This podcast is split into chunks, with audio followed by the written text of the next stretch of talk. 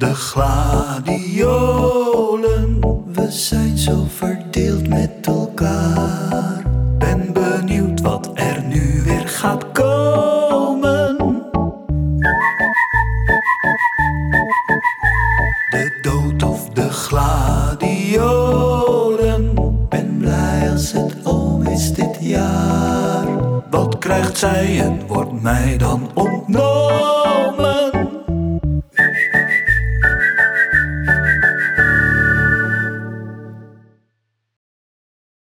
Had een pizza besteld. Ik had gebeld naar Pizzeria Palermo. Dat klinkt ver weg, maar is bij mij in de buurt. Nog geen 200 meter verderop. Maar het is koud. Het regent. Ik heb nog geen schoenen aan. Dus ik laat hem bezorgen. Door een Palermitaan zou je wellicht denken. Maar iemand in de opvallende bedrijfskleding van thuisbezorgd.nl op zijn beurt weer onderdeel van het internationale moederbedrijf Just Eat Takeaway. De uitkomst van een fusie tussen, u raadt het al, Just Eat en Takeaway. Iemand van dat bedrijf stond bij mij op de stoep met een pizza. Ondanks de oranje werkkleding van deze pizzacourier was de jongeman helemaal niet in dienst van thuisbezorg.nl, noch van Just Eat Takeaway. Hij bleek weer onderdeel van een ander bedrijf, zijn eigen bedrijf, Ronnie's Express, met dubbel Z. Het jongetje van 15, Ronnie dus, drukte mij een factuur in mijn handen met daarop zijn bedrijfsnaam en KVK-nummer. En een tabel met een uiteenzetting van het te betalen bedrag. Die bestond uit de pizza, de voorrijkosten, de arbeidsongeschiktheidsverzekering, de afschrijving op de fiets, verzekering tegen diefstal, WA-verzekering, de medische kosten voor de zalf tegen de zadelpijn, de gemaakte minuten exclusief en inclusief administratie en uiteraard de BTW. Bij elkaar opsommen tot een grand total van 11,95 euro. Ronnie vroeg of ik even wilde tekenen voor ontvangst, zodat de pizza, die tijdelijk in zijn administratie moest worden weggezet bij de eigen voorraad aan de vlottende activa-kant en aan de debitzijde als kortlopend vreemd vermogen, zodat die pizza van zijn balans zou verdwijnen.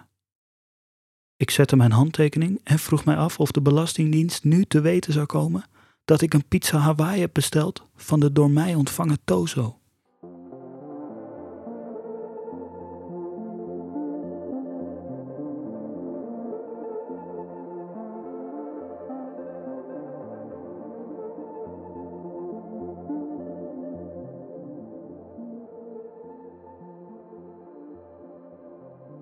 Ik, ik ben net als Ronnie, ook ZZP'er. ZZP'er in de culturele sector. Dat betekent dat ik op het moment minder werk dan een niet-medisch mondkapje. Het betekent ook dat ik tot de groep van 1,3 miljoen Nederlandse ZZP'ers behoor met dezelfde sociale onzekerheden. Een groep waarvan bekend is dat het de eerste klappen van een financiële crisis opvangt. Die financiële crisis komt er. Die klappen komen er. Volgens de schijnwerkloze minister Wiebes hebben wij, de ZZP'ers, er zelf voor gekozen. We hebben er zelf voor gekozen om de kreukelzone van de economie te zijn. Risico van het vak. De ZZP-constructie is uiteraard het hoogst haalbare voor de liberalen onder ons, met een absoluut minimum aan overheidsbemoeienis. Vandaar de drastische stijging van het aantal zelfstandigen in de jaren onder de blauwe pakken van de Volkspartij voor Vrijheid en Democratie. Het liberale hart maakt een sprongetje van geluk wanneer zowel de overheid als de werkgevers praktisch geen enkel omkijken hebben naar de zelfstandige eenlingen. Geen contracten, pensioenregelingen, overuren, vakantiedagen, arbeidsongeschiktheidsverzekeringen. Geen ontslagregelingen, reiskostenvergoedingen, ziekteverzuim of arbeidstijdsverkortingen. Geen dertiende maand, kantoorruimte met verwarming en elektriciteit. Geen laptop, bureaustoel, koffieautomaat of kantine. Ronnie dopt zijn eigen boontjes. Ronnie heeft zijn eigen fiets. De VVD heeft de geasfalteerde weg, waar nog wel gewoon normaal 130 wordt gereden, vrijgemaakt voor multinationals om te profiteren van het walhalla van de schijnzelfstandigheid. Ze staan in de rij om gebruik te maken van Nederlands unique selling point. Het buitenlandse bedrijf Just Eat Takeaway laat dan ook gretig andermans pizza's bezorgen door entrepreneurs als Ronnie, waarbij 25% van de 11,95 euro in de diepe zakken van de multinational verdwijnt. Zonder zelf te bakken of te bezorgen. Zonder zich te hoeven bekommeren over zwart geblakerde korstjes, niet goed doorgesneden puntjes, lauwe ananas of licht op de fiets van Ronnie, of over Ronnie's sociale zekerheid en gezondheid in het algemeen. En in tegenstelling tot Ronnie en Pizzeria Palermo betaalt ze uiteindelijk ook geen belasting.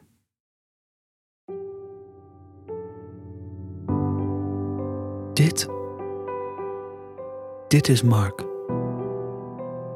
Mark staat iedere ochtend om 7 uur op om op tijd te beginnen met thuiswerken. Hij werkt voor een bedrijf dat paperclips verkoopt en is verantwoordelijk voor het in stand houden en controleren van de voorraad. Sinds de corona-uitbraak werkt Mark vanuit huis. Iedere dag is hij druk bezig met het mailen van zijn collega's en het op orde brengen van zijn Excel-sheets. Maar het bedrijf waar Mark voor werkt, bestaat niet meer. Het is failliet gegaan tijdens de eerste lockdown. Want als iedereen thuis werkt, heeft niemand meer behoefte aan paperclips. Mark heeft het faillissement geen plek kunnen geven en is in volledige ontkenning beland. Om de pijn te verzachten, bieden wij van Stichting Droombaan een vervangende routine. We organiseren langdurige Zoom-vergaderingen met andere patiënten geven opdrachten voor Excel-sheets met verzonnen data en verzorgen iedere ochtend een gevulde inbox.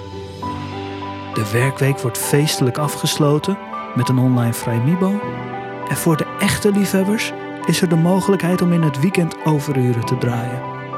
Mark merkt het verschil met zijn echte baan nauwelijks en is even gemiddeld gelukkig als voorheen. Help ook mee. Voor slechts 3000 euro bruto per maand houden wij Mark zijn droom om paperclips te verkopen in leven. Een droombaan. Wie wil dat nou niet?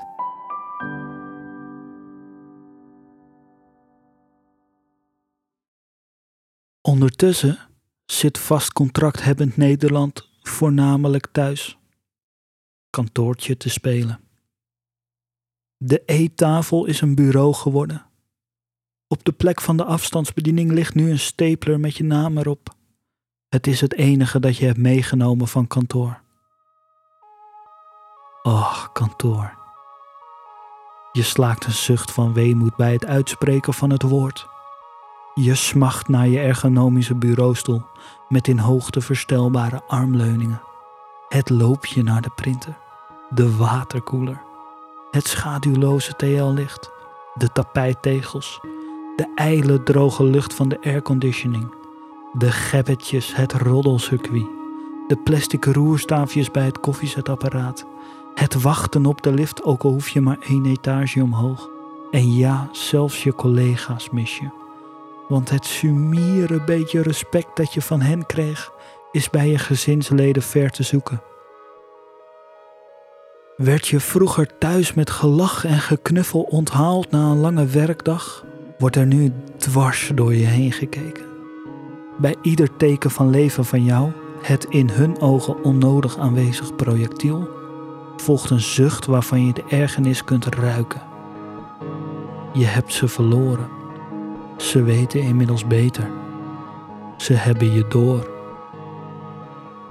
Beetje bij beetje ondervonden ze dat jij papa eigenlijk niets weet. Dat jij, echtgenoot, eigenlijk maar wat doet. Als je al iets doet. Je vrouw had na één week thuiswerken al gezien dat jij gemiddeld twee dagen de tijd nodig hebt om een kolom in Excel op te laten tellen. Vanuit de keuken hoort ze hoe je werkelijk niets toe te voegen hebt tijdens een online vergadering. Je kinderen zien hoe het zweetje uitbreekt bij het zien van een staartdeling. Hoe je hakkelend de DT-regel staat uit te leggen. Ze kijken je vertwijfeld met een D aan. Ze zien dat je het niet weet. Maar eventjes aan mama vragen. Het enigma papa is ontrafeld. De reputatie van man van de wereld, waar je met al je vragen terecht kon, die façade, zorgvuldig door de jaren heen opgebouwd door stevaste afwezigheid, is doorzien. Alles dat overblijft, is een mannetje dat op de gang een telefoongesprek over verkoopmarges staat te faken, omdat hij zijn dochter niet kon uitleggen wat een bijvoeglijk naamwoord is.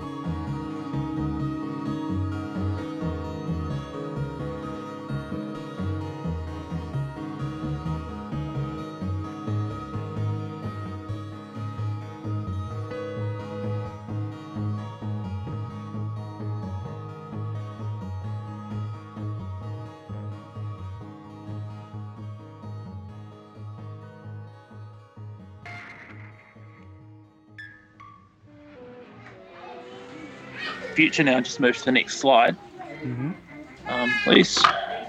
So I've given here just sort of um, in six month increments um, the remainder of the financial year, Yeah. um, also the financial year that we're in, and then the following three that are presented in the draft statement of intent. Yeah. see. Yeah. I think fo- important to focus on EBITDA because that's sort of uh, a cash flow metric for us. Uh-huh. Um, that includes land sales, but it excludes, of course, costs like depreciation, which um, is around $3 million a year for us, which in the short term um, is not necessarily linear with the with the investment we make into assets. Mhm. So seeing um, obviously seeing a reasonably significant decline in, in the next um, in this calendar year, with Yeah. um, across the business certainly going to suffer Yeah. and that's um, as we see in the sort of early six months between December 20 and June next year. That's the effect of this large land sale um, taking effect, Mhm, mhm. and then as the business kind of gets back on its feet, um, you can see it's slowly back to cash flow positive. So I guess you want to compare the red, the red and the blue, blue bars and red line, and the green line is sort of where we think we're going to head now. Yeah. You can see yeah, definitely the next sort of 15 to 18 months it's going to be a bit painful, Yeah. um, but after that, um, very much back on our feet and not becoming heavily reliant on, on land sales, certainly out past the next 18 months. So we've only assumed what's already under contract and what's unconditional will settle in those numbers. So I think that's um, they're conservative but realistic and conservative on, conservative on both fronts. Yeah. Um, certainly the costs we're looking to remove out of the business aren't anything that's going to compromise us long term. We're not giving up capability, but um, either we've built or we've managed to hang on to for as long as we have. I think there's some, um, yeah, definitely conservative and, and look if things don't play out the way um, we see them doing. Certainly not as positive as um, might do. There's some opportunities there um, further, but for now, it's, um, this sort of is realistic. Our current.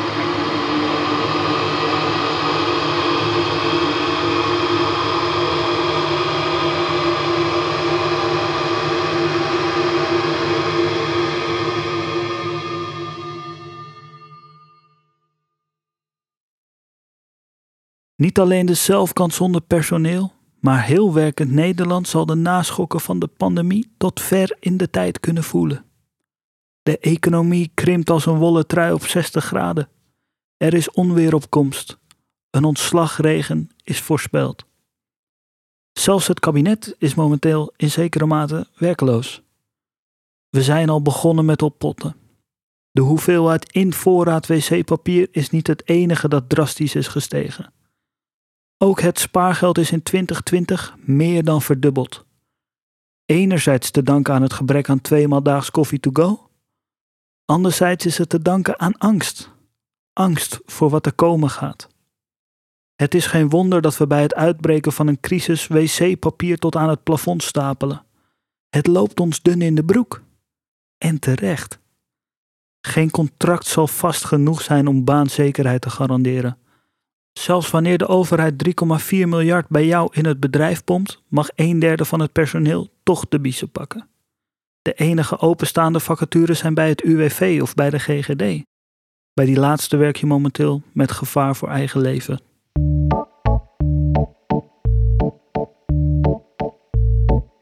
Het zal Ronnie voorlopig allemaal een nog te bezorgen worst wezen.